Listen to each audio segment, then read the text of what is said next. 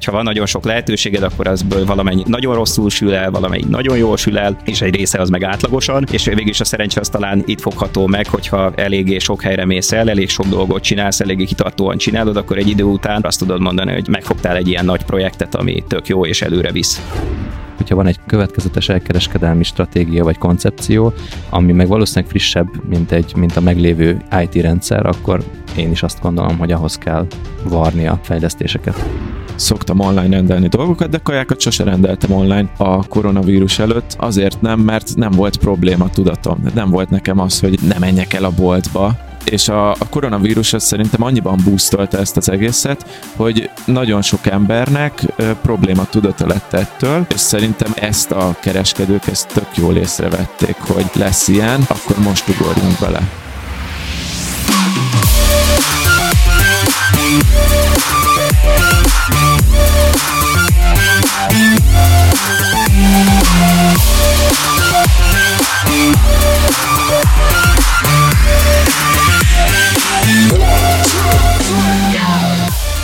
Kijött a 2020-as elkereskedelmi toplista, amire egyébként annól az euronix nagyon sokáig szerettünk volna a top 10-be felkerülni, úgyhogy innen üdvözlöm amúgy a korábbi kollégákat, akik most a top 6-ba tudtak felcsúszni, ami mindig egy nagy vágy volt, valószínűleg azért sikerült nekik, mert én már nem dolgozom ott. Viszont szerepel ezen a top listán például az Osannak a webshopja is, és sikerült pont ebben az időben elcsípnünk a, az Osan webshopjának a fejlesztőit, akik tehát a Loginet Systems Kft. és az ő tulajdonosuk, ügyvezetőjük Mária Zsigmond ül most velünk vendégségben. Elkereskedelmi trendekről is fogunk beszélgetni egy kicsit, de alapvetően fejlesztői szempontból. Ugye ezt azért sokan tudhatjátok rólam, kedves hallgatók, hogy online fejlesztéssel kapcsolatban dolgoztam nagyon sokáig elkereskedelmi területen, úgyhogy nekem most így idefelé jövett a villamosan, így repesett a szívem konkrétan, hogy végre beszéltek erről, és én mondani is akartam a többieknek, hogy miért nem beszélünk el erről többet egy kicsit ebben a podcastban, úgyhogy egy csomó ötletem volt, hogy szeretném majd azért így egy kicsit ezt a témát jobban behozni, úgyhogy ennek itt az első lehetősége, úgyhogy Zsigmondot köszöntjük, Mária Zsigmondot köszöntjük. Szia Zsigmond! Örülünk, hogy itt vagy. Hello. És itt van velünk Virág Attila is, és Mester Tomi is.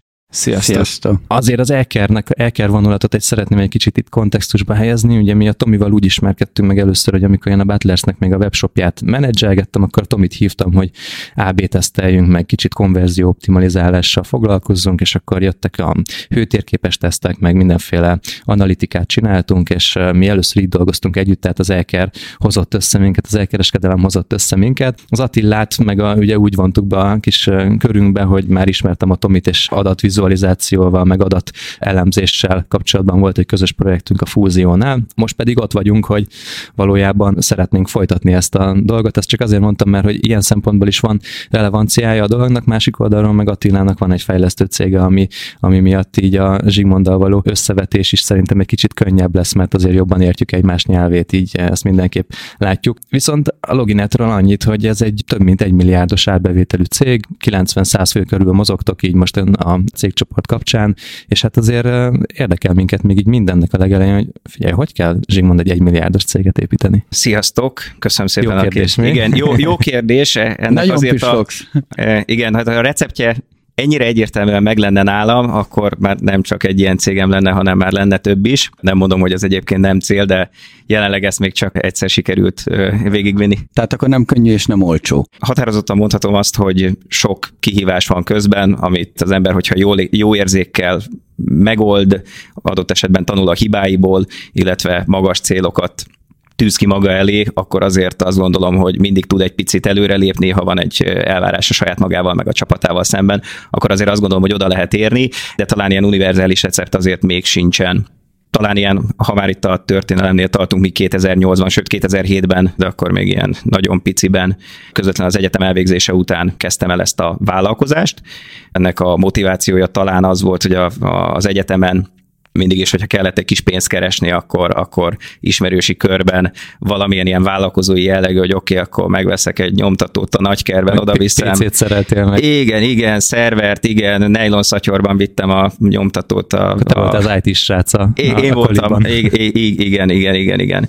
Ilyen dolgok, és ez így tetszett nekem, tehát ez a, az, az én képemmel úgy éreztem, hogy, hogy egybevág, hogy én így megoldok dolgokat, illetve az egyetem alatt gyakornonkoskodtam a Nokia-nál, ami akkor, akkor tájt ugye körülbelül a csúcson volt, és akkor volt alkalmam megismerni azt, hogy milyen az, amikor egy nagyon nagy szerkezetben egy nagyon pici fogaskerék vagy, hát nyilván gyakornokként azért nagyon pici ráhatósunk volt bármire is, de minden esetre kicsit az volt, hogy egy kicsit ilyen nagyobb hatás, egy kicsit nagyobb lehetőség annak kapcsán, hogy én határozom meg azt, hogy mi történik, ha egy, egy jó döntéssel sokat lépünk előre, egy nem jó döntéssel egy helyben toporgunk, versus mindegy, hogy mennyire jó döntést hozol, mindegy, hogy mennyire dolgozol, igazából annak nagyon pici hatása van a nagy összképre, és ennek folyamányaként, amikor az egyetemet elvégeztem, akkor egy-két ilyen évfolyamtársamat, akivel jóban voltunk, meggyőztem, hogy, hogy jöjjenek el dolgozni. Csináljunk egy startupot. Igen, azzal a pici különbséggel, hogy én az egyetem alatt az imént említett nagyon felemelő módokon azért kerestem némi pénzt, úgyhogy én egyből hát azért nem sztárfizetéssel, de gyakorlatilag én fizetéssel föl tudtam venni egy-két évfolyamtársamat, akik a, a kortájt végeztek, vagy az egyetem elvégzésének a közelében voltak, és akkor utána mm, gyakorlatilag először a kis szobában programoztunk ketten, aztán utána hárman. Microsoft története. Igen, igen, igen, igen, igen, azzal a különbséggel, hogy hát, amikor Microsoft 12 év után már a tőzsdén volt, és Bill Gates a világ leggazdagabb embere volt, vagy lehet, hogy akkor még egy-két év távlatban volt ez a... Itt azért nem tartunk, de minden esetre ilyen szempontból talán hasonló, vagy amit azért a, ezzel, ezzel a piacon azt gondolom, hogy ez egy ilyen reális forgatókönyv, hogy piciben indulsz, és akkor, hogyha ha nincsen mondjuk feltétlenül valamilyen olyan szakmai befektetőd, aki, aki a bizniszt tudja neked hozni, hanem mindent magadnak kaparsz ki, akkor, akkor ilyen pici lépésekkel, de ugyanúgy el lehet jutni akár nagyon nagy cégekhez is, mint amit az imént említettél, egy-két ilyen nagy ügyfelünk valóban, tehát Osan, Vodafone, Graphisoft, IBM, tehát azért nagy cégeknek, nagy, nagy cégekhez oda lehet jutni, és, és komoly dolgokat csinálni végülis ez a, ez a története, hogy mindig picit nagyobb iroda, picit több ember, a növekedés finanszírozása, mindig megtanulsz valamit, és, és akkor egy idő után azért mindenképpen el fogsz jutni egy megfelelő helyre én azt gondolom. Azért nem engedlek el ennyivel, hogy ez a milliárdos kérdés azért még így szerintem így benne van a fejemben, hogy, de azért, ha jól sejtem, hogy itt a, a szerencsének, vagy a, a szerencsés jól helyezkedésnek is lehet egy szerepe, tehát itt ügyfélszerzésre gondolok elsősorban, most azért mondta egy pár olyan nevet, Osan, Vodafone, IBM és társai, hogy azért ide bekerülni azért nem olyan egyszerű, gondolom. És ez lehet a, a, a milliárdos receptnek egy része. Igen, erre azt tudom mondani, hogy ugye nyilván nagyon sok cégnevet tudnék mondani, ahol viszont nem mi vagyunk, pedig ugyanúgy beszélgettünk velük uh-huh. egyébként, akik a konkurenseknél vannak akár, vagy nagy globális beszállítóknál, stb. stb. És azt gondolom, hogy persze a szerencse kell, ez alatt azt értve, hogy, hogy, hogy szembe jöjjön egy lehetőség. Nyilván kellő mennyiségű tevékenységet kell elvégezni ahhoz, hogy elegendő lehetőséggel kerülj szembe, hogy aztán utána lehessen szerencséd is. Tehát ha így nézzük, akkor nekem az identitásomnak egyébként egy erős része az, hogy én az eltén programozó matematikusként végeztem, tehát hogy nekem ez, a, ez, ez lenne egyébként a szakmám, eh, tehát ez a szoftverfejlesztési irány. Eh, nyilván nem szoftverfejlesztőként dolgoznék valószínűleg, hanem tanácsadóként, tehát mondjuk szoftvereket specifikálnék, hogyha, hogyha csak úgy dolgoznék valahol.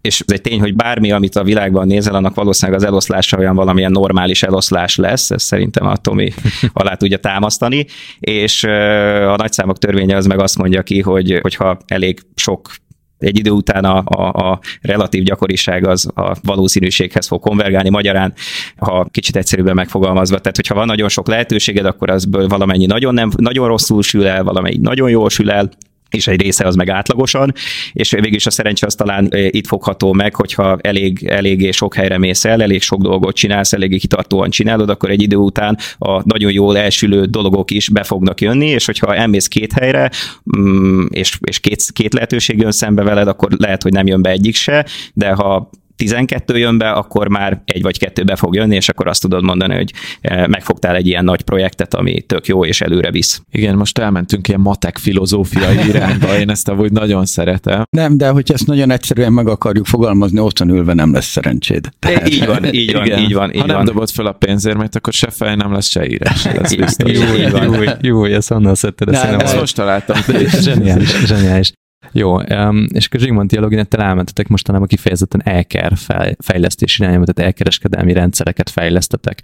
Miért, miért ebbe az irányba mentetek? Meglovagoltátok a koronavírust, vagy hogy volt ez most? Nem, nem a koronavírus lovagoltuk meg, illetve hát meg, meglovagoltuk természetesen azt is, hiszen a említett kutatás, amire hivatkozol, az egyébként ilyen a korábbi éveknek az ilyen nagyjából 15%-20% körüli növekedéséhez képest 50%-os növekedést mutatott a, múlt évre nézve, és ez nem valószínű, hogy vissza fog esni, és nyilván ez az elkereskedelmi rendszereket fejlesztő cégeknek is, meg mindenki, aki az e-commerce területen szolgáltat, az nyilván hozott egy nagy növekedést és lehetőséget, de ez nyilván ez az elmúlt egy-két évnek, a, az elmúlt egy évnek a, a, a termése. Mi mindig is, tehát már 10-12 évvel ezelőtt is valahogy megtaláltak minket ilyen e-commerce projektek, és az identitásunknak egyébként régóta része ez, hogy e-commerce, és az, hogy ezt nagyon tudatosan fogjuk meg azáltal, hogy termékeket fejlesztünk, ezt kommunikáljuk magunkról, az pedig az elmúlt 3-5 évnek a, a, a termése. Ez kb. valahol azzal köthető össze, amikor az Osan projektet elnyertétek? azzal is összeköthető, meg azzal is összeköthető, hogy amikor nagyon gyára találkoztunk ilyen egyedi fejlesztési projekteken belül ugyanazokkal a problémákkal, és azt éreztük, hogy megint ugyanazt oldjuk meg, mint a múltkor, akkor ez hozott egy ilyen egy ilyen, ilyen irányt, hogy jó, akkor erre fejleszünk terméket, és ha terméket fejlesztünk, fejlesztünk, akkor ezt kommunikáljuk magunkról, és kutassuk aktívan ezt a területet, vonjunk be szakértőket, akik ebben segíteni tudnak minket, hiszen mi alapvetően azért egy informatikai cég vagyunk, és ezeket ahogy fölismertük, és ahogy jöttek az inputok a piactól, a visszajelzések, hogy amit csinálunk, az milyen területen jó, akár kiemelkedő, milyen területen kellene erősíteni, ez folyamatosan egyre többet és többet fókuszáltunk erre, és egy idő után azt lehet mondani, és ezt talán az elmúlt három évben már nagyon erősen ezt a, ezt a vonalat nyomjuk. Nem csak ezt csináljuk, de azért a növekedésünket azt gondolom, hogy ez drive-olja. Azért akkor tényleg jól jött nektek az, hogy a koronavírus most ennyire az online kereskedelmet előtérbe hozta. A szám, amit mondtál, az 50 az, hogy mindenki értse, ez a, ez az online kiskereskedelmi piac növekedését jelenti elsősorban árbevételben, ha jól tudom, és akkor azért ez nyilván azzal is járt, hogy nagyon sok piaci szereplő rá lett kényszerítve arra, hogy online is tudjon értékesíteni. Nekem ami így egy, egy kérdés a fejemben, nem tudom, hogy tudod-e a választ erre, de hogy Ugyanezzel az időszakkal köthető össze az valamilyen szinten, hogy a, az élelmiszer kereskedők is elkezdenek megjelenni, vagy már régóta gondolkoznak rajta, hogy el kell csináljanak, de most mostanra valahogy ez a, ez a koronavírus, meg 2020, ez nagyon sokat beindított. Ugye az Aldi is megjelent, elkezdett házhoz szállítani, és a többiek is, de ti már előtte az Osannal megcsináltátok, a Tesco-nak is már előtte meg volt, a Gérobi volt az első, aki az élelmiszert vittem, és akkor a, egyébként a GKI Digitál csinálta ezt a elkereskedő kereskedelmi toplistát, hogy most már külön csináltak egy FMCG toplistát, amin az Osanati projektetek, a, ugye ti csináltátok a webshopját, meg a, az ilyen elkereskedelmi háttérrendszerét az Osannak. Szerinted miért pont most? Hiszen ők nem zártak be valójában. Az, a, az élelmiszerboltok az offline vásárlókon is nagyon nagyot nyertek. Miért pont most erősödik meg a, az élelmiszerboltoknak a kedve, hogy, hogy online házhozszállításban legyenek? Én azt gondolom, hogy ebben van egy valamekkora véletlen faktor is, mert ugye például a kifli.hu, aki ilyen uh, leginkább ilyen új komoly szereplőként bejött a piacra, az egyébként még a pandémia előtt indult. Nem sokkal egyébként, de ők szerintem nem tudták előre, hogy ez lesz, vagy nyilván nem tudták, de, egy, de adott nekik egy óriási boostot. Nem volt benfentes információk a Wuhani laborból. igen, igen, igen, igen, igen, valószínűleg nem. Inkább valahol szerintem az van, hogy először valóban talán a Gérobinak van a leg, legrégebb óta ez korrektül élelmiszer házhozszállítása, de aztán utána megjelent a Tesco a házhozszállításával, utána, utánuk az Osan, utána a Spár, utána a kiflipont, utána már elég sokan itt voltak, és azt gondolom, hogy amikor volt ez a koronavírus, akkor ez adott ennek egy ilyen nagyon nagy növekedést.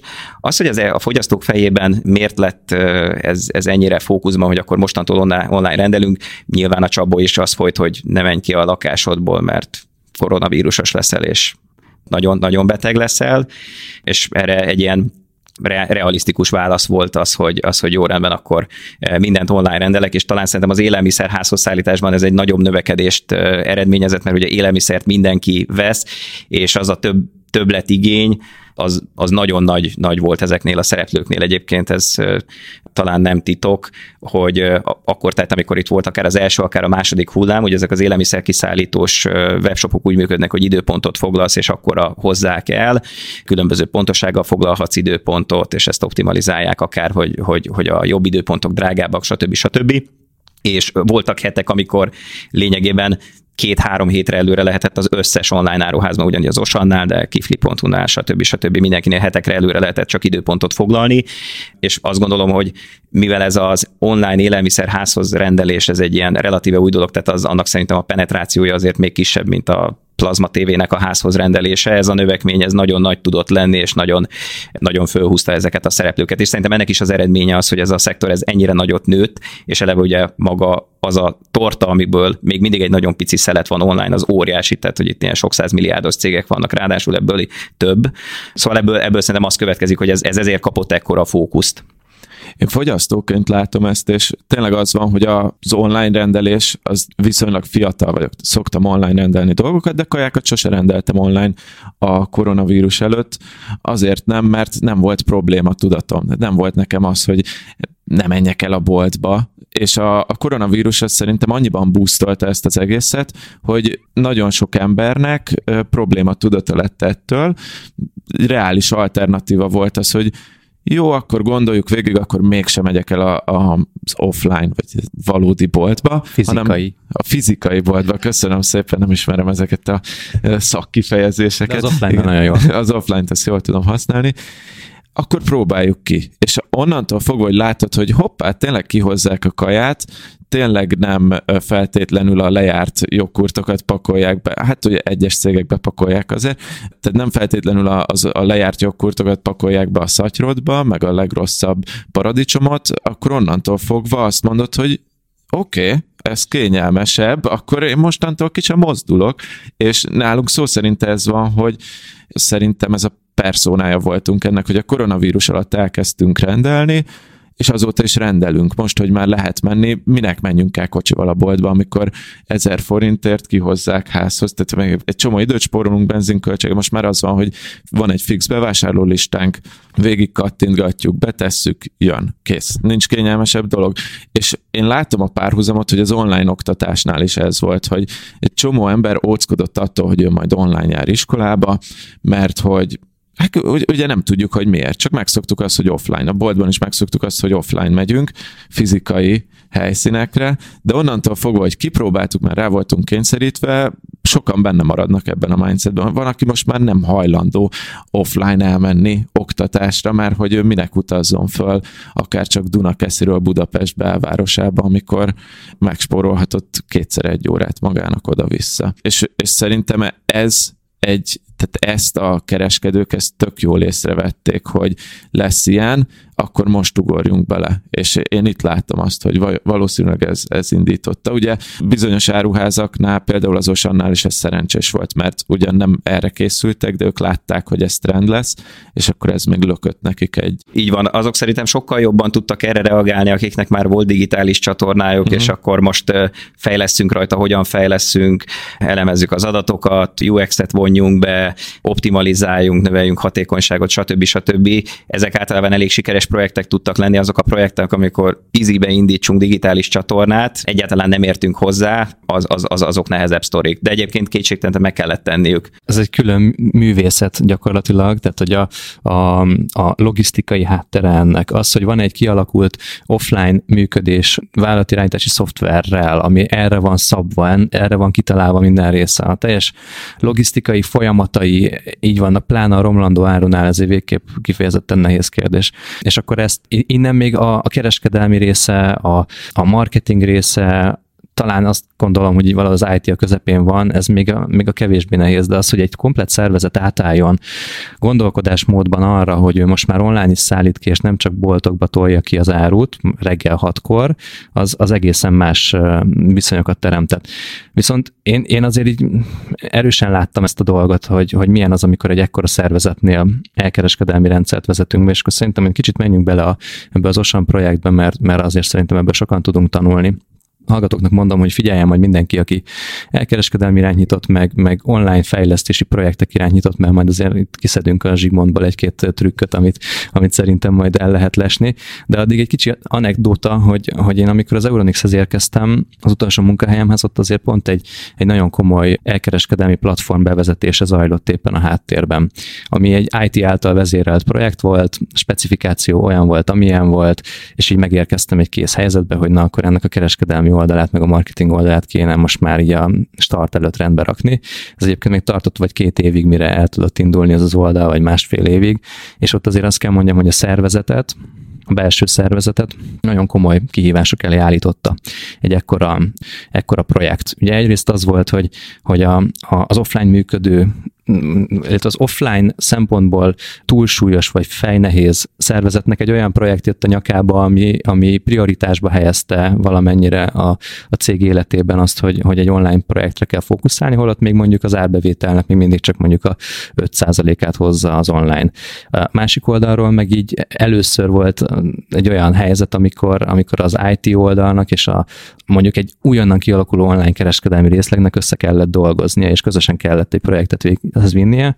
Illetve volt egy másik oldal, ez meg a fejlesztő cégeknek az oldala, akik, akik szintén elég komoly helyzetbe kerültek itt, nyilván egy nagyon jó projektnek tűnik, de másik oldalról itt azért sokan, sokan sokat idegeskedtek, mire ebből lett valami. Összességében igazából ahova ki akartam ezt futtatni, az az, hogy, hogy egy ilyen, ilyen rendszer változtatás, vagy az online kereskedelemre való átállás egy, egy közepesnél nagyobb cégnél egy sok, egy óriási sok.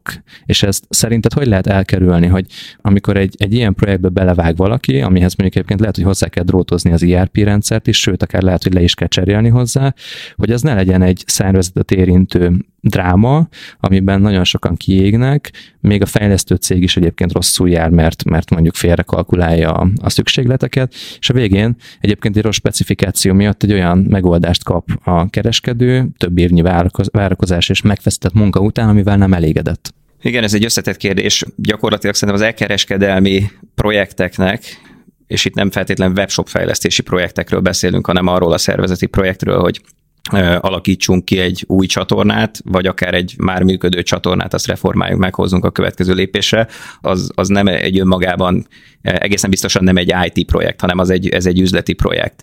De nagyon sok területet érint, mert van egy erős IT lába, lehet egy erős logisztikai lába, szervezeti, tehát ilyen HR, stb. stb. És egyébként ami talán a, a legfontosabb, az az, hogy, hogy, hogy kidrive ezt az egészet, és hát szerintem ne az IT drive hanem ideális esetben az üzlet és, és ezt azért sokszor láttam, hogy ez egy kicsit így megfordult, és a, nem is tudom, hogy hogy lehet jól megfogalmazni, hogy a farok csóválta a kutyát, vagy a... Vagy, pont, a, pont így.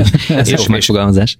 Igen, tehát ugye gyakorlatilag az ilyen informatikai szempontok azok érvényesültek, de semmi más. Az üzleti igények meg így a háttérbe szorultak. Igen. Egyébként ennek szerintem az ellenkezője sem jó, amikor mondjuk azt mondjuk, hogy van az üzleti igény, az mindent felülír, és tegnap még ezt akartuk, holna meg mondjuk azt akarjuk, akkor gyakorlatilag ezt akár az agil mobilitás címszóval nyakon öntve egy IT projekt próbálja követni. Hát mert Tehát... persze, ez következetlenség. De hogy egy IT oldalon, meg ugye csak hogy így a hallgatók is értsék, azért abból indulunk ki legtöbb ilyen esetben, hogy van valamilyen kész vállalatirányítási szoftver, egy készletezése van, ki vannak alakítva az ilyen adat kapcsolatok, adatáramlási mechanizmusok, amik az adott bizniszhez jellemzőek. És amikor jön egy új szoftver, mondjuk egy, egy webshop a rendszerbe, akkor ezt valahogy integrálni kell ebbe a számlázással, visszáró rendszerekkel, általában az áraknak a kezelésével, termékfeltöltéssel, hogy árazunk, hol árazunk, az offline árakat megtartjuk-e, ugyanazokat a termékeket adjuk -e ki, mint ami a webre, mint ami a boltban elérhető. Szóval, hogy ez egy IT szempontból egy iszonyatosan komoly dolog, és egy nagyon kemény szabályokat kell ilyenkor sokszor újraírni. Úgyhogy én valahol megértem azt, hogy ez IT szempontból vezérelté válik, hogyha nagyon erős egy szervezetben ez a csapat, de hogy a másik oldalról, meg hogyha van egy követ, következetes elkereskedelmi stratégia vagy koncepció, ami meg valószínűleg frissebb, mint, egy, mint a meglévő IT rendszer, akkor én is azt gondolom, hogy ahhoz kell varnia a, a fejlesztéseket. Igen, határozottan, és muszáj valamilyen tehát stratégiából levezetni egy különböző rendszerek mit fognak csinálni, szereplők, emberek mit fognak csinálni, és aztán utána pedig jön az a rész, hogy legyen egyfajta specifikációnk, hogy akkor hova akarunk eljutni, ami akkor jó, hogyha valamennyire azért tényleg rugalmas, tehát megvan annak a módja, hogy ebbe hogyan kerülnek be új dolgok, eh, de ugyanakkor azért kellőképpen igényesek vagyunk saját magunkkal szemben, és az elején már pedig igenis szeretnénk azt a tervet megcsinálni, ami legalább tudjuk, hogy mitől térünk el és ugye ennek az egyik ilyen felülírása az, hogy nem baj, menjünk agilisban, ami azt jelenti, hogy majd sprintről sprintre kitaláljuk, de így meg nem lehet nagy szoftvert fejleszteni én szerintem, hanem leginkább valamilyen kombinációja a kettőnek, tehát van egy ilyen nagyívű tervünk, hogy mit akarunk elérni, abban vannak fix pontok, és megvan az a mód, hogy hogyan engedünk be ebbe új dolgokat, változásokat, stb. stb. felismerve azt, hogy azért az üzlet az nem olyan, hogy egyszer beleszúrtunk egy rajszöget, és aztán utána tíz éven keresztül ugyanúgy van. Most, ha jól értem, akkor azt mondod, hogy ahhoz, hogy ez a, ez a IT projekt, vagy ez a webshop fejlesztési projekt ne legyen egy dráma, ahhoz egy jó specifikáció nem ártana. Kiolvashatom ezt a, abban, amit ezt, mondasz? Ezt, ezt nagyon határozottan, és gyakorlatilag de nem ez az első lépés, hogy írunk egy specifikációt, és főleg nem az IT egy specifikációt az üzlet nélkül az elején, és akkor mert az nem lesz jó projekt. De ezt köszönjük szépen, hogy ezt egy IT cégnek a vezetőjeként ezt így kimondod, mert ezt, ezt egy üzleti vezető mondja, akkor az oké, okay, de, de hogy ezt egy IT is aláírja, azt köszönjük.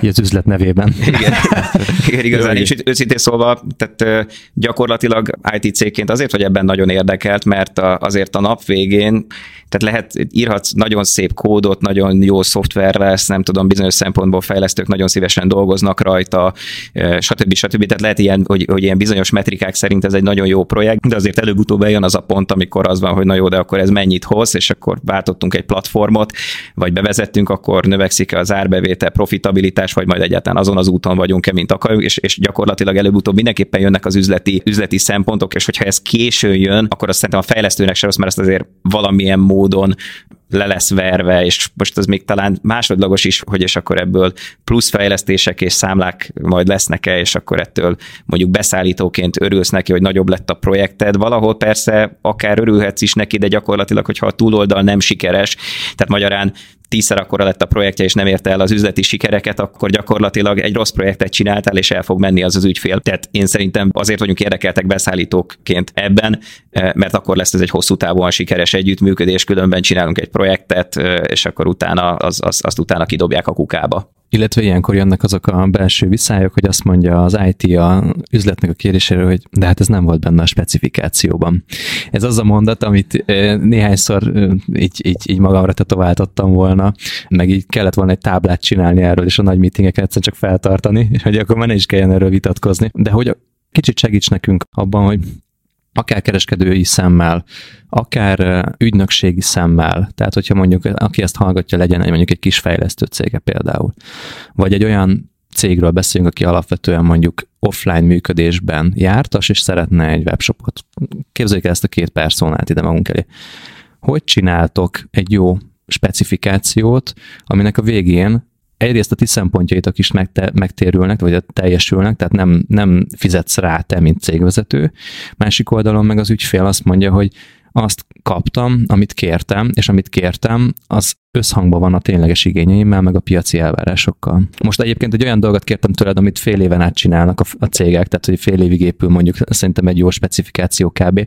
Meg rengeteg iteráció és egyeztetés van benne, de hogy, hogy mégiscsak azért, hogy hogy nem lehet nagyon zátonyra futni. Igen, én egy kicsit távolabbról indulnék ehhez a, e, ennek a megválaszolásához, hogyha van egy problémád, egy üzleti problémád, legyen az elkereskedelmi vagy bármilyen, CRM, akármicsoda, akkor gyakorlatilag két lehetőséged van, vagy két véglet van. Az egyik véglet az az, hogy veszel egy teljesen dobozos rendszert, az, hogy ezt most havidíja fölinstalálod, vagy szoftver ez a service alapon bérled, felhőből, stb. Ez mondjuk már másodlagos, de hogy veszel egy kész rendszert, és azt valahogy működése bírod, de semmilyen egyedi dolog nem kerül bele, versus fogod a fehér papírt, és arra rajzolhatsz bármit, és azt egyedileg lefejleszted, ez nagyjából a két véglet.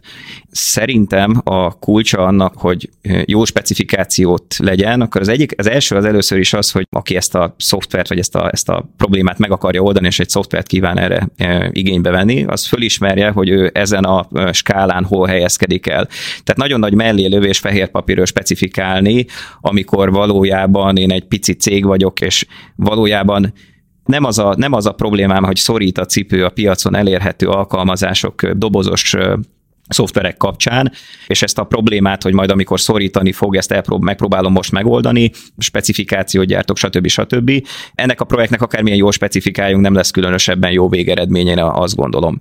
Tehát ilyen esetben inkább egy dobozos, kisebb havidíjas megoldás érdemes. Í- így van. És, és, és azt gondolom, hogy akkor érdemes, akkor érdemes, szerintem azok tudnak jól specifikációt csinálni, akik valamit már használnak, vagy valamit legalábbis megismernek. Mert van egy olyan része is, hogy szoftver specifikációt olvasni, tehát én azt szoktam mondani, hogy szoftverprojektet nem csak csinálni kell tudni, hanem venni is. Tehát gyakorlatilag, hogyha a klasszikus szoftver specifikációs eszközök adatmodell folyamatábra szép magyar mondatok és wireframe-eknek az összessége, ehhez nagyon nagy előképzettség kell, hogy én ezt elolvassam, és ezt érten, értsem tényleg az elejétől a végéig, hogy ez a rendszer mit fog csinálni, és el tudjam dönteni, hogy ez megfelel nekem, vagy sem. Még talán egyébként, tehát, hogy ezek közül az eszközök közül, amit most említettem, még talán leginkább a wireframe-ek. Tehát érdekes módon a, nekünk az, az, hogy a UX-ből kijövő végeredmény, prototípusok, azok a specifikációt bizonyos bizonyos szempontból drájolják, az nagyon bejött, mert még talán az a leginkább olyan terület, amit az ügyfelek főleg üzleti eh, szempontból meg tudnak nézni, és igazából tudnak értelmezni. És akkor itt jön a, talán a kulcs ennek, hogy hogy lesz jó ez a specifikáció, mert azért elkereskedelem területén azért azt gondolom, hogy teljesen egyedi fejlesztéseket, ahol fehér papírra specifikálunk, és a nulláról kezdünk el szoftvert írni, azt gondolom, hogy abba kár belevágni, ha csak nem tudjuk, hogy valami annyira speciális dologban, tehát lehet, hogy az Amazon az így készül egyébként egyébként az valószínűleg az Amazon ez így készül, hogy a fehér papíról specifikál valamikor, meg újra és újra, de azért az egyszeri kereskedő vállalatnak valószínűleg valamilyen termékből érdemes kiindulnia, és a jó specifikáció az talán inkább egy ilyen gap analízis eredménye, amelyben igenis én, aki ezt veszem, muszáj megismernem azt, hogy miből indulok ki, tényleg igényemnek kell lennem az, hogy az elejétől a végéig értsem, hogy ez a szoftver abból, amit én akarok, mit tud és mit nem tud, és aztán utána ahhoz képest azokat a remélhetőleg nem túl sok és nem túl nagy deltát, ami ehhez képest eltér, azt megértsem. És azt gondolom, hogy ha ez a kettő megvan, és a, mi egyébként most már azért alapvetően termékbevezetéseket csinálunk, tehát nekünk ez egy ilyen fontos irány, hogy tehát régen sem a nulláról fejlesztettünk természetesen, de inkább ilyen keretrendszerszerű volt a termékünk egy 5-10 évvel évvel ezelőtt, hogy meg volt egy csomó minden, de így end-to-end azt azért nem lehetett levenni a polcról, és mostanában sokkal inkább olyan projekteket csinálunk, ami úgy kezdődik, hogy igenis ismerjük meg azt, hogy mi az, ami van, milyen messze van az attól, amit mint kedves ügyfél szeretnél, és olyan dolgokra költsünk, ami neked ténylegesen üzleti értéket hoz, és akár most egy kicsit mondtam ilyen agilis példákat, kicsit talán úgy tűnhetett, mintha én ebben így egyáltalán nem hinnék, és ez talán ebben a formában nem igaz, de egy backlogot úgy építsünk, értékalapú backlogot, ami gyakorlatilag ami lehet, hogy ennek már működő webshopunk egyébként, tehát hogy ahhoz képest olyan deltákat tartalmaz, aminek tudjuk, hogy mi az üzleti hatása, ami számunkra pozitív, és ahol nagyobb ez a hatás, azt veszük előre, és ha ilyen szempontban építünk specifikációt, vagy akár hívjuk ezt backlognak, akkor az valószínűleg egy jó specifikáció lesz, hogyha pedig nulláról specifikálunk, nem igazán értjük, de azt mondjuk, hogy jó, hát a beszállító ezen a piacon dolgozik, akkor biztos jó lesz, amit csinál, hiszen milyen lenne, az, az a legritkább esetben váltja be a hozzáfűzött reményeket, és azokból lesznek ezek a projektek, amikkel nem különösebben elégedett senki. Tehát akkor azt mondod, hogy mondjuk én egy kis vállalkozó vagyok, kitalálom, hogy Kínából rendelek drónokat, és azokat eladom itthon, akkor valószínűleg nem annyira jó dolog, hogyha én ehhez otthon lefejlesztek egy webshopot magamnak, hanem béreljem ki a Shopify-t, és amikor már megvesznek tőlem 10 drónt, 100 drónt, 200 drónt, akkor kezdjem el a Shopify-nak a kiegészítőit használni, és amikor egyszer csak eljutok oda, hogy már nem tudom, milyen egyedi színezésű, márkázású drónokat akarok, amiben XY csomagajánlatok vannak, és már nincs olyan Shopify dolog, akkor azt írjam fel, mint egy feature, hogy, vagy tehát egy, mint egy funkció, ami hiányzik, aztán még egy, aztán még egy,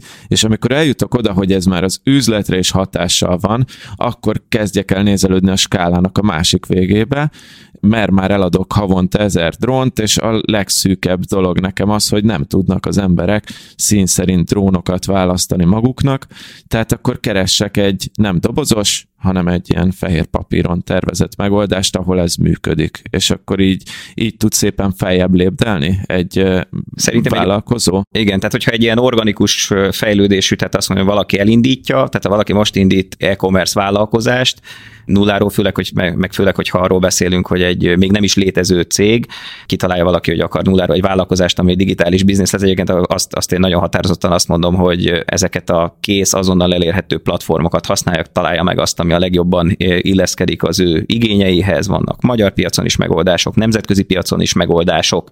Egy időben egyébként nagyon sok volt, most egyébként kicsit tisztult a piac, tehát most már elég, eléggé lehet látni, hogy ebben így kikatuti szállítók, akár világ, akár lokális szinten. És így van, amikor ha a cipő, ha a cipő az ott szorít, hogy nem tudok egyedit fejleszteni, na akkor kell egyedit fejleszteni, és akkor jönnek ezek a fehér papíros megoldások, de akkor ott még mindig azt gondolom, hogy jobban járunk, ha valamilyen kész, fejleszthető, és erre készült, ez egy fontos dolog, hogy nagyon sok minden fejleszthető, de nem mindegy, hogy valami arra azzal a szemüveggel készült, hogy ebben majd könnyű legyen fejleszteni, versus végül is lehet fejleszteni benne, ez nem ugyanazt jelenti. Szóval akkor válasz egy olyan platformot, ami ehhez illeszkedik, és akkor azokat a dolgokat, a, ahol szorít a cipő, azt oldja meg. Megfogadja el, hogy gyakorlatilag, ha például használtam most a Shopify-t említetted, abban voltak bizonyos dolgok, ahogy a dolgok működtek meg, amit azt tudott. Ha választottok egy másik platformot, akkor az más dolgokat fog tudni, és bizonyos dolgok, amiket itt jelenleg használtam, az, azt ott a fehér papírra rá kell írni, hogy ahhoz, hogy ugyanott legyek, azt a másik rendszerben ki kell fejleszteni, ezt el kell fogadni. Én most itt hoztam ezt a nyilván hülye példát, ez a, hogy drónokat árulgatok, aminek a másik oldalán a skálának meg ott van az Osan, akik hát óriási cég, tehát összehasonlíthatatlan a kettő. Szerinted a kettő között kb. hol van a határ? Tehát van ilyen éles váltás, amikor azért sok ilyen céggel dolgoztatok, látsz ilyen éles határt, hogy, hogy mi az, amikor már átbillen egy cég, hogy jobban megéri az egyedi fejlesztés? Igen, azt gondolom, hogy az egyedi fejlesztés lehetősége, tehát hogy már eleve olyannal induljunk, ahol ez megoldott, azt, tehát akinek már van egy ERP vállalat irányítási rendszere, és azt szeretné, hogy ez ezzel együtt működjön, az már az a kategória, ahol valószínűleg jobban jár, ha valami fejleszthető platformon indul, mert bár persze nagyon sok szoftverhez vannak bizonyos konnektorok, de ugye ezeknek az ERP rendszereknek is egyik ilyen sajátja, hogy azokat is testre szabják, bevezetik, nem ugyanúgy működik, akár egy-két fejlesztést is megcsinálnak, ugyanebben a szellemben, mint ahogy mondtam, tehát ott is, tehát hogy ezt a webshopot nyugodtan kicserélhetjük ERP rendszerre, ha újonnan indulsz, akkor ne vegyél nagy ERP rendszert, amihez specifikálsz, hogy te hogyan szeretnél működni, hanem vedd meg valamelyik dobozosat, és amikor szorít, akkor lép tovább. Tehát azt gondolom, ez bármilyen területre egyébként, vagy nagyon sok területre ráhúzható. De visszatérve, tehát miután van egy ERP rendszer, amivel együtt kell működni, ahhoz hozzá kell kapcsolódni, azt gondolom talán ez a terület, ahol már jobban jár valaki, hogyha rögtön nem ezekben a dobozos megoldásokban gondolkodik, abban az értelemben, hogy tényleg csak veszek egy Shopify-t, hanem adott esetben veszek egy olyan terméket, amivel már eleve tudok fejleszteni valamiféle integrációt. Illetve a másik az, amikor valakinek speciális az üzleti folyamata. Tehát azt gondolom, hogy mondjuk egy ilyen, mondjuk egy osanszerű, de akár bármelyik ilyen élelmiszer kiszállító cég, akit itt emlegettünk, őnáluk időpontfoglalás van, őnáluk adott esetben speciális logisztikai folyamatok vannak, hűtött termékek vannak, amit nem lehet bármikor, bárhogy speciális logisztikai folyamatok vannak, akár több fizikai lokáció van, ahol a készletek különböznek, és emiatt máshogy kell működni, vagy ezeknek valamiféle kombinációja. Ezeken a, egy, tehát egy ilyen területen, ha neked ennyire speciális az iparágad, akkor valószínűleg eleve nem lesz jó egy dobozos webshop. nehéz lenne megcsinálni Shopify-ban, az biztos. Igen, de itt mondhatnék, tehát, hogy ilyen telkók, vagy, vagy akárkik, vagy pénzügyi szolgáltatók. Egyébként még talán annyit hozzátennék, hogy itt egy nagyon ilyen webshopokra koncentrálunk. Én az e-commerce azért egyel egy ilyen általánosabb területnek látom, tehát hogy bármikor, azt gondolom, minden az e-commerce terület kereteibe tartozik, amikor egy, egy valamilyen árut online, tehát digitális csatornákon megveszel, és azt mondod, hogy a fizetés és, a, és valamilyen módon ennek az eljuttatása, legyen ez letöltés, vagy nem tudom, aktiválás, vagy akármi egy bankszámla esetén, az, az a digitális csatornán történik a sales és a tranzakció, és ilyen értelemben egyébként vannak olyan területek, a, ahol eleve, tehát amikre ezek a mondjuk egy Shopify, vagy bármilyen ilyen bérelhető rendszer, amikre nem fókuszál, tehát amiknek nem ad megoldást, és nyilván ebben az esetben is az van, hogy egyedi fejlesztés irányába kell elmenni. Szerinted kinek a felelősség egy ilyen projektben, egy ilyen specifikációs projektben, vagy fejlesztési projektben a jó specifikáció elkészítése? A fejlesztő cégé, vagy a, vagy a, vagy a kereskedője, a megrendelője? Hú, hát ez egy kiváló kérdés. Csak azért, mert ki, ki, kire fog mutogatni majd a végén, amikor majd... Hogy az egymásra, tudja, az egymásra. tudja, hogy az ő hibája volt nem tudsz jó üzleti igényt átadni, nem tudnak jó specifikációt jönni szerintem. Igen, tehát én egy ideális választ természetesen tudok adni, ami úgy néz ki, hogy a vevői oldalon legyen egy kellőképpen széles látókörű és megfelelő felelősségi és egyéb jogkörökkel rendelkező valaki, akinek ez egy, akinek ez egy felelőssége, hogy a specifikáció az jó legyen, összegerebjézze a saját oldalán található összes területnek a képviselőjét legyen az logisztika, marketing, beszerzés, beszerzés IT, igen. Igen, IT bármi, azt gondolom, hogy ez ideális. Én azt látom, hogy egyébként a, a specifikációt, és ez nem csak e-commerce területen, hanem mindenhol az van egy olyan, azt alulbecsülik nagyon sokan. Tehát szerintem a legnagyobb hozzáadott értékű munka, és az elején talán mondtam, hogy ha én nem céget vezetnék, akkor szinte biztosan szoftver specifikációkat készítenék. Szerintem ez a legérdekesebb munka egyébként ezen a területen, tehát kitalálni jó dolgokat, és, és jó szoftvereket tervezni rá, tehát ez talán a legérdekesebb, meg szerintem ez a legmagasabb hozzáadott értékű munka, mert hogyha ezt jól megcsinálod, akkor annak nagyon-nagyon sok hozadéka van, ha meg ezt elrontjuk, akkor meg akkor az nagyon fog fájni, de mindenkinek tényleg. Ennek ellenére egyébként ezt alulbecsülik, és ez kicsit olyan dolog, hogy na jó, tehát hogy, hogy, hogy mit beszélgetünk már, hát ez még csak ez még nem igazi, nem igazi munka még az, amikor csak beszélgetünk róla, hanem majd amikor zongoráznak a fejlesztők és verik a billentyűzetet, na az az igazi, akkor haladunk valójában, mikor ez közel sem így van. És az a, tehát, hogy egy picit azt látom, hogy ez ügyfél oldalon egy picit mindig alulbecsülik, és a beszállítók sok esetben jobban nyomják, vagy jobban erőltetik azt, hogy de igenis ez legyen, mi például ezt nagyon, nagyon erősen fókuszban tartjuk, és minden projektünkben nagyon nyomjuk. Volt erre egy mondásod, bocsánat, még mikor a adás előtt volt egy kólunk egyszer, akkor volt erre egy mondásod, hogy specifikációval, tervezéssel mennyi időt, vagy nem is tudom, igen, volt Igen, már. ez az a vicc, ami, ami, ami, a, ami nem vicc. A, ami nem vicc, nem vicc, másrészt meg mindig azt mondják, hogy de ezt már, most már nem mondjam többször, mert ez nem vicces, és ez úgy szól, hogy hónapok programozásával akár több napnyi specifikációs munkát is meg lehet spórolni.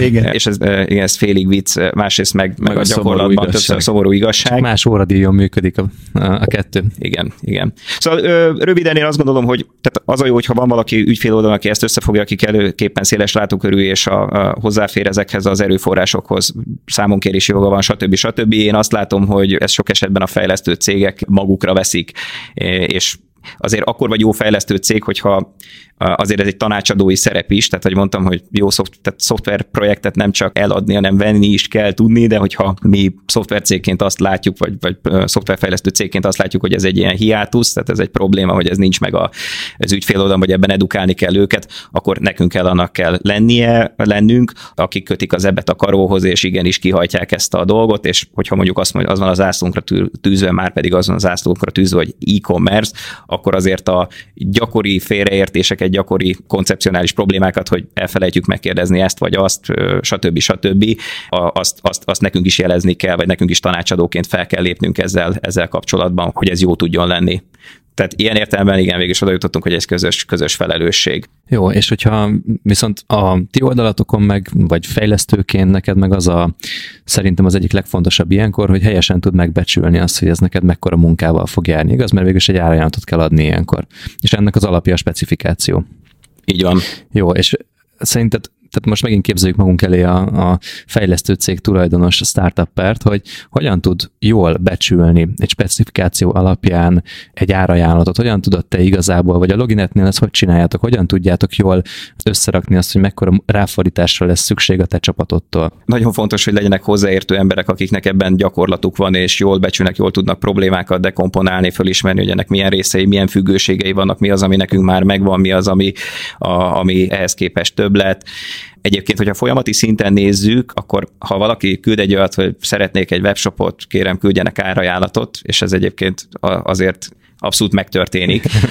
van és még ilyen Van, van, abszolút, abszolút. Erre ugye nyilván nem lehet két irány szokott lenni, hogyha az ügyfél mondjuk ebből a szempontból, tehát már jobban tudja, hogy hogy kell IT projektet venni, szoftverfejlesztési projektet venni, jellemzően ez igen erősen korrelál azzal, hogy egy-két ilyen projekten megégette már magát, akkor előfordul, hogy egész jó specifikációval jönnek ügyfelek, és úgy írnak ki tendert, vagy keresnek meg direktben minket, mert velünk szeretnének dolgozni, hogy egész jó specifikációt adnak, és akkor jönnek ezek a hát architekt, vezetőfejlesztő szintű kollégák, akár tanácsadók, akik még kérdéseket tesznek fel, aztán utána csinálnak egy ilyen magas szintű projekttervet, amit aztán utána több szempontból megnézünk, tehát mit tudom, az egyik szempont az az, hogy kijött, hogy mit tudom, ilyen 152 nap, és akkor utána azt mondjuk, hogy jó, hasonlítsuk össze ezt valamelyik projekttel, ami ehhez hasonló méretű volt, fú, hát az igazából 500 nap volt, akkor itt lehet, hogy valami gond van, miért gondoljuk, akkor visszamegyünk.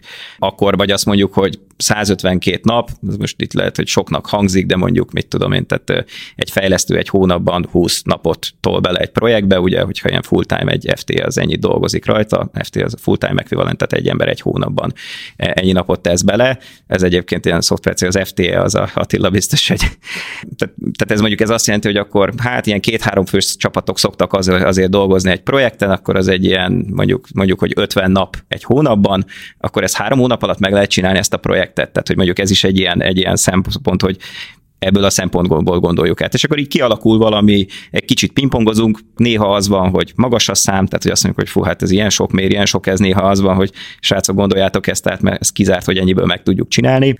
Tehát ez már egy nagyon érdekes, nagyon érdekes folyamat egyébként, mert itt ilyen különböző ellenérdekeltségek is bejönnek ugye cégen belül, tehát a szélsznek az lenne az érdeke, hogy minél alacsonyabbak legyenek a számok, hogy az ügyfelek megvegyék, a, a projektmenedzsereknek, akiken aztán utána le van verve az, hogy oké, okay, akkor itt előzetesen szakértők megbecsülték, hogy mondjuk akkor 182 nap, akkor neked ezt ebből meg kell csinálni, ez forintosítva van, hogy nálunk egy fejlesztői munkaóra házon belül ennyibe vagy annyiba kerül, akkor neked ez a büdzsé, ebből kell kihozni, és ezt folyamatosan nézzük, hogy ezt el tudjuk-e érni, vagy sem, hiszen ugye egyébként valójában úgy lesz, hogy profitábilis vagy nem profitábilis ez a projekt, hogy mi házon belül kapacitásokat felhasználunk erre, és akár úgy is mondhatjuk, hogy a házon belüli kapacitásokat megveszi egy projekt, azokat felhasználja, és aztán utána, hogyha ez az X, ami ki, hogy mennyit költöttünk rá, ez kevesebb, mint az Y, amit az ügyféltől kapunk, akkor örülünk, hogyha pedig nem, akkor nem. És ugye igen, visszatérve, tehát ennek a, a, a specifikáció és az arra adott beslés a válasz. És akkor a másik rész, hogyha az ügyfél mondjuk nincsen ilyenje, tehát nincsen specifikáció, akkor jellemzően azt javasoljuk, hogy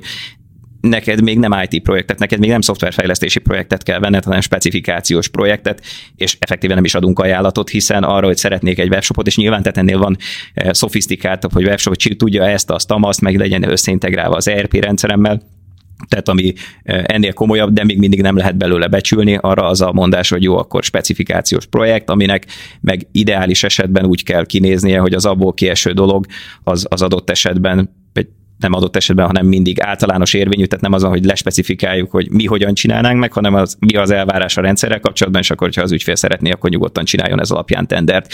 Tehát ez önmagában is egy szolgáltatás nálunk, hogyha valaki ezt szeretné, akkor ezt, ezt megcsináljuk neki, mert azt meg elmondjuk, hogy enélkül nem fog tudni jó projektet venni az, hogy jelentkező lesz-e ilyen projektre, az egy másik kérdés, tehát bármilyen projektre lesznek jelentkezők, de hogy az abból meg nagyon könnyen lehet, hogy nem lesz sikeres projekt ha már ennyit beszélgettünk az elkereskedelmi trendekről, meg arról, hogy, hogy hogyan fejlődött a koronavírus hatására, úgy nem csak az élelmiszerkereskedelem, hanem úgy általában maga az online kereskedelem, kiskereskedelem, meg ahogy Zsigmond mondtad, itt nagyon sok minden, nem csak akár kereskedelemről beszélgetünk, hanem bármilyen szolgáltatásnak az online uh, nyújtás, online megvásárolhatósága. Ilyen értelemben egyébként szerintem mindhárman Attila, Tomi meg én is elkereskedők vagyunk, csak mást, mást és máshogy Igen, el. én erre most rájöttem ebből a beszélgetésből, hogy én amúgy elkereskedelemben utazom. Igen, igen, igen. Szóval, hogy szerinted ez a, ez a tendencia, ami most itt beindult, ugye hallottuk, hogy 50 kal emelkedett a hazai kiskereskedelem, online kiskereskedelem. Ez milyen új technológiai fejlesztéseket fog magával vonzani, vagy ti mit láttok már, hiszen valószínűleg ti már csináljátok azokat a specifikációkat, amiket mi egy-két év múlva fogunk látni a, a piacon felhasználóként, meg valószínűleg jelen vagytok olyan körökben, ahol, ahol már azok a technológiai újítások kezdenek el kirajzolódni kereskedelmi oldalon, amik még így a jövőt jelentik. Röviden leegyszerűsítve a kérdést, mi lesz a jövője az elkereskedelemnek szerinted? Ez egy kiváló kérdés, ugye itt nagyon sok, nagyon sok tendencia van, tehát például a piactereknek a megjelenése, ugye azok a döntések, hogy egy piactérre menjünk-e, ne menjünk, azzal inkább integrálódjunk, külön úton járjunk. Én azt gondolom, hogy az egyik, egyik fontos rész az az, hogy a, az ügyfeleknek nyújtott ilyen nagyon nagyfokú kényelmet adó funkciók, amikkel most már kezdenek megjelenni szolgáltatók piacokon, hogy nagyon gyorsan szállítanak házhoz, időpontot lehet választani, élelmiszerházhoz szállításban például azt gondolom, hogy eléggé általános, de mostanában azt gondolom, hogy kezd megjelenni nem élelmiszer területeken is, és azt gondolom, hogy van egy, egy, az egy nagyon fontos része, hogy mikor és hogyan szállítják, hogy én azt megmondhatom, hogy mikor szállítják, akár az, hogy még aznap, vagy egy órán belül, és az ehhez kapcsolódó fejlesztések, ami nem csak annyi, hogy, hogy egy pipa, hogy egy órán belül szeretném. Ugye nyilván ez a, ez a része, ez talán a legkönnyebb, de nyilván ennek utána a folyamati logisztikai rendszer, ERP rendszerekkel való együttműködés, stb. stb. területén van egy csomó vonzata. Azt gondolom, hogy az olyan típusú ilyen előfizetéses modellek, mint, a, mint az Amazon Prime, ugye most egyébként a kifli.hu pont a minap jött ki egy ilyen, ilyen fejlesztéssel, és én azt gondolom, hogy ilyenek be fognak jönni, amikor valamiféle megpróbálnak valamilyen recurring revenue-t ezek az e-commerce szereplők behozni, tehát valamiféle ilyen előfizetési díjtípusú szolgáltatást, és az ehhez kapcsolódó rendszerek, ezek a, a jutalmak az ügyfelek felé, ugye ez megint csak ugye egy dolog mondani, hogy adunk egy jutalmat, és egy másik dolog ezt struktúráltan végigütni egy rendszeren. Akár az ilyen okos dolgok, mint például hogy a kompenzációs logikáknak a, a fejlődése, az például abban még nagy terület. Ez mit jelent? Mm, azt értem alatta, hogy tudom én öt, év, öt évvel ezelőtt, hogyha késett egy kiszállítás, és panaszkodtál, akkor azt mondják, maximum azt mondták, hogy sajnáljuk. Most akár a például ilyen volt netpincér, aki egyébként szintén szerintem abszolút elkereskedők. Az ő esetükben az egy ilyen nagyon jellemző dolog, hogy ha adsz egy egycsillagos értékelést mondjuk a szállításra, akkor azonnal fölhív az ügyfélszolgálat, és ad neked egy ingyenes szállítási kupont, vagy, vagy, vagy bármilyen módon megpróbál kompenzálni, és ezek még ilyen adhok dolgok, és hogyha bármit kapsz, akkor nagyon örül kerülsz, és egyáltalán nem általános, hogy ezt, tehát, hogy ezt mindenki biztosítsa. Tehát ez szerintem egy olyan terület, ami még határozottan fejlődni fog. És ilyen iparág specifikus high-tech dolgok, azok erre is ugye ilyeneket nulláról fejleszteni nem érdemes, tehát hogy, hogy valami high-tech dolgot én saját magamnak kifejlesztek, az talán kevésbé jellemző, hanem ha azt mondom, hogy van egy olyasmi funkció, hogy egy képről fölismer egy terméket, és az alapján az én portfóliómból javasol egy másikat, és ezt nem úgy csinálja, hogy valaki kézzel összekattingatja. Például, hogy mondjuk vannak cipőket árulok, és a fekete cipőhöz kézzel hozzátársítom az összes fekete cipőt, hanem mondjuk ez valamilyen ilyen képfeldolgozás, machine learning alapú dolog találja meg automatizáltan, hogy, hogy, hogy ez és ez a két termék hasonlít egymásra, tehát akkor automatikusan ajánlja. ajánlja. Ami és... olyan megoldás kéne, hogy én feltöltöm a, nem tudom, valamilyen ruha szoftver, vagy ruha webshopnak a, az oldalára, nem tudom, öt ilyen outfitemet, hogy én hogy nézek ki, hogy szeretek öltözködni, és akkor ismerje fel, és ajánljon nekem termékeket. Van már ilyesmi? Hogy pont ilyen van-e, abban nem vagyok biztos, de például az egy nagyon érdekes dolog, hogy az, hogy küldenek neked egy ilyen, egy ilyen kezes lábas pizsamát, amin lényegében ilyen ilyen kockás, hogy ilyen geometriai formák vannak. Ez egy kicsit olyan, mint a tesztautókon tudjátok, Aha. hogy, és ez igazából ahhoz kell, hogy a számítógépes látás algoritmus azt tudja, hogy hol vannak a különböző csúcsok, alakzatok, és ez alapján az, hogy te milyen, milyen az alkatod, milyen magas vagy, stb. stb. ezt nagyon pontosan belője, és például ez alapján ajánljon neked termékeket. Wow. Ez Na, például egy, egy létező dolog. Ezt meg én találtam ki egyszer. Na, hogy mennyire okay. jó lenne online vásárolni, mert ugye pont ilyen két méret között vagyok, és hogy én online nem tudtam vásárolni, főleg még régebben még nyugosabb is volt visszaküldeni őket, ugye, hogy milyen jó lenne, hogyha pont valami hasonló technológiával én beszkennelném magamat, és kiválasztanám ezt meg ezt, és akkor megmutatná, hogy hogy áll rajtam. Ez már létezik hát sajnos. neked azt kéne megnézni, hogy a haj hogy állna neked, és igen, különböző igen, frizurákkal, igen, hogy lehet igen. megenni. De, de, hogy valami jót mondjak, én, én úgy tudom, hogy ez abban a formában létezik, hogy tehát ez nem mint ilyen white label technológia vehető meg, bár lehet, hogy már olyan is van, tehát ez most, de ez feltételezés, inkább az van, hogy vannak olyan szolgáltatók, akik ezt saját maguknak megcsináltak, és ez a versenyelőnyük, tehát ha esetleg olyan szolgáltatást akarsz eh, csinálni, ahol ez egy technológia, amit aztán utána licenszelsz és eladsz elkereskedőknek, lehet, hogy az a piac még letarolatlan. Na, de vannak sokan, akik ilyen irányba mennek. Még öt éve volt egy ilyen startup mentor klubunk, és mindegy, ez most lényegtelen, de hogy volt már öt éve is, aki ilyen projektet hozott ötletnek oda, hogy ez pont, amit te mondtál, Adi. Nem, nem tudom, hogy ők megcsinálták de szerintem, hogyha öt éve valakinek itt Magyarországon volt egy ilyen ötlete, akkor valószínűleg San Franciscóban valaki már le is fejlesztette. Hát igen, igen csak ez, ez, ez úgy lenne a menő, hogy a mobilot kamerájával szkenneled be magadat, tehát hogy az már hát egy ilyen jó, userbarát igen, lenne meg. Igen, igen. De amúgy a technológia adott ehhez az már biztos. Szóval ezek, ezek, ha még most nincsenek, akkor valaki biztos, hogy dolgozik már rajta, és, és csinálja. Már semmibe se érdemes belekezdeni, ez azt jelenti. Nem, ér, nem igazán. Igen, erről beszélgettünk is itt a felvétel előtt, hogy ha újra a céget indítanék, akkor pont ilyet, és, és, és hogy az egy ilyen jellemző felismerés, hogy sok vállalkozó, akivel beszélgettem, az mind azt mondja, hogy fú, most, hogy már tudom, hogy az út, amin végigmentem, az milyen nehéz volt, biztos, hogy nem vágnék bele még egyszer, hanem inkább valami mást csinálnék. Érdekes gondolat, én egyébként nem érzem így. Oké. Okay. Apropó, ha már itt tartunk, hogy végül is csak elértetek egy, egy olyan mérföldkövet ennek a cégnek a, az árbevétel szintjével, ami, ami egy, egy igazán komoly bizonyíték annak, hogy jól vállalkoztok. Mi ennek a számotokra, mi a következő mérföldkő, amit akár árbevételben, akár technológiai fejlettségben, akár létszámban ti szeretnétek elérni? Igen, ez egy nagyon jó kérdés. Akár azt is mondhatnám, hogy mi az, amit nem szeretnék elérni. Hát nekem azért volt az utóbbi időkben egy olyan felismerésem, hogy minden, minden ugyanez csak kétszer ekkora, tehát kétszer ennyi ember, árbevétel, profit, stb. stb. Nem mondom, hogy az nem kecsegtető, de hogy nem, nem az az út, hogy feltétlenül ezt akarjuk így felskálázni, mert nagyon HR nehéz terület, tehát arról beszéltünk itt, hogy a fejlesztőket találni, felvenni, stb. megtartani, tehát ez nem egy könnyű dolog, és hogyha folyamatosan rá vagy kényszerítve, hogy ezt csináld, akkor az, er, ez elvonja a fókuszt a, a biznisztől, és nagyon erősen ilyen HR biznisz leszel, e, vagyis rá vagy kényszerítve, hogy ezzel nagyon sokat foglalkoz, e, és ennek én számomra a idézőjelben kiút ebből, mert most itt nem azt mondom, hogy nekem, vagy nekem per nekünk annyira rossz, de azért e, az, hogy ezt az üzleti modellt megváltoztassuk, és a kétszer akkora árbevétel mellett ne a lineárisan kétszer akkora szervezet tehát kelljen mellé tenni, annak érdekében a szoftver termékek, tehát a termékek és újra felhasználható komponensek, szolgáltatások, kitalált folyamatoknak az újra és újra végigvitele felé szeretnénk menni, és igen, tehát ennek a leg, legerősebb része az természetesen maga, maga a termék,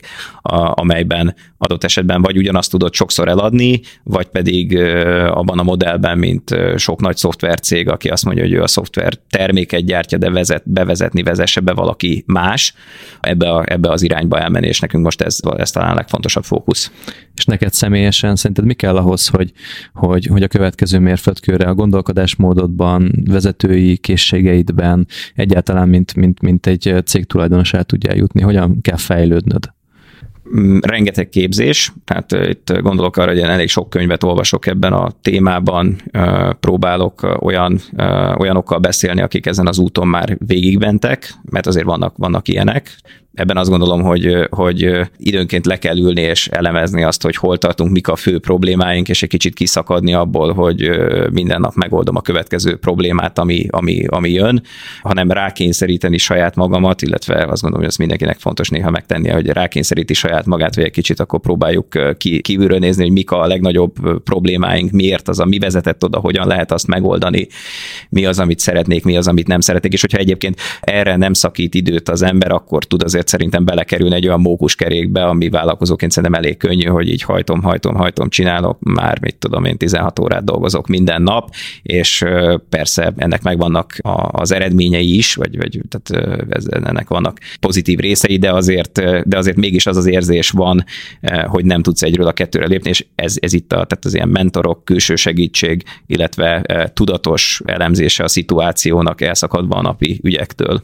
Örülök, hogy ezt mondod, mert pont most megyünk a Dani kollégámmal, barátommal egy kétnapos kiszakadásra, ahol kifejezetten a Balaton mellett folyik a stratégiát újraalkotni, és hasonló szempontok szerint, mert ugyanezt vettem észre, hogy csak daráljuk, daráljuk, daráljuk a dolgokat, és, és már kezdjük látni, hogy mik a problémák, és hogyha ezeket a problémákat megoldjuk, akkor az valószínűleg önmagában elhoz új irányokat, amik jó eséllyel egyébként a szintlépést hozzák el. És ez egyébként nem volt nekem ilyen tiszta most a fejemben, hogy ezt miért csináljuk, vagy hogyan csináljuk, vagy hogy jutottunk ide gondolkodásmódban, de hogy hogy, hogy most, mint hogyha ebből egy receptet hallanék, hogy, hogyha az ember időről időre mondjuk negyed évente, fél évente átnézi azt, hogy mik azok a rendszer szintű problémái, amik miatt megy ez a, ez a mókuskerék jelleg, ami miatt nem tud bizonyos dolgokat flottul megoldani, vagy kényelmesen megoldani, vagy sok pénzt viszel, vagy bármi. És hogyha ezekre elvonulunk egy kicsit, és kitaláljuk azt, hogy oké, okay, ezt hogy tudnánk megcsinálni, az valószínűleg jön egy, azzal jár majd egy szintemelkedés, ami lehetséges, hogy engem is elvisz az egymilliárdos árbevételű cég, céghez, ami majd legyen, úgy, legyen kettő. Oké, okay, oké, okay. jó van. Hát Zsigmond, további sok sikert kívánunk neked. Én azt hiszem, hogy most így egy nagyon jó helyzetben vagytok, és jó irányban vagytok, jó lóra tettetek, és hogy szerintem tudtok mindent ahhoz, hogy hogyan érjetek el ezeket a következő mérföldköveket, úgyhogy ezt tényleg reméljük, hogy ez, ez meg lesz az életetekben, és ilyen király projekteket fogtok vinni, mint amilyenek most is vannak nálatok. Úgyhogy köszönjük szépen, hogy segítettél nekünk egy kicsit ebben a, az IT fejlesztési világban, meg így az elkereskedelemnek a szépségeiben és csúnyább részeiben egy picit el navigálni, meg elkalandozni. Nekem meg nagyon jó érzés volt újra olyan témákról beszélgetni, amikről már nem tudom, talán két éve nem beszéltem. Visszajöttek azok a dolgok, amik, amik úgy, úgy régen fontosak voltak nekem, hogy a mindennapjaimat képezték, úgyhogy ígérem így a BB hallgatóknak is, hogyha ez őket érdekli, akkor majd hozunk még be ilyen témákat. Ez volt a, talán az egyik első ilyen elkereskedelmi témánk, de azt akartam még mondani, hogy volt nekünk egy néhány hónappal ezelőtti, ezelőtti e-commerce expós fellépésünk, ahol arról beszélgettünk, hogy miért indítson podcastet egy elkereskedő, úgyhogy majd a show megpróbáljuk berakni, és nem elfelejteni. De hogy... Néhány hónappal ez több mint egy éve volt. Na, igen, tényleg, tényleg. Ez az egy éve Szóval van egy ilyen, ilyen előadásunk, amikor kifejezetten elkereskedőknek beszéltünk, úgyhogy ha azt még nem hallottátok, akkor jó szívvel ajánljuk, keressétek vissza a, a lejátszási listában. Zsigmond, köszönjük szépen, hogy itt voltál, és tényleg sok sikert kívánunk. Köszönjük. Köszönöm szépen a lehetőséget, sziasztok. Sziasztok. Kedves Business Boys hallgatók, nektek pedig köszönjük, hogy velünk voltatok. Szokás szerint követhettek minket mindenféle social media csatornánkon. Elsősorban figyelmetekbe ajánlom a Facebookos Business Boys csoportunkat, a csoportban Zsigmond is tag, be lesz tegelve az adás alatti posztban, úgyhogy ha akármilyen kérdésetek van, akkor megígérte nekünk, hogy válaszol jó szívvel nektek, tehát csatlakozzatok a Business Boys zárt csoporthoz, ha még nem vagytok tagok. Ezen kívül pedig kérlek, hallgassatok minket minden podcast alkalmazáson, ha pedig ezt az iTunes-os Apple-os podcast alkalmazáson keresztül teszitek, akkor értékeljetek is. Ez volt a Business Boys Podcast, nem sokára jelentkezünk egy újabb résszel, sziasztok!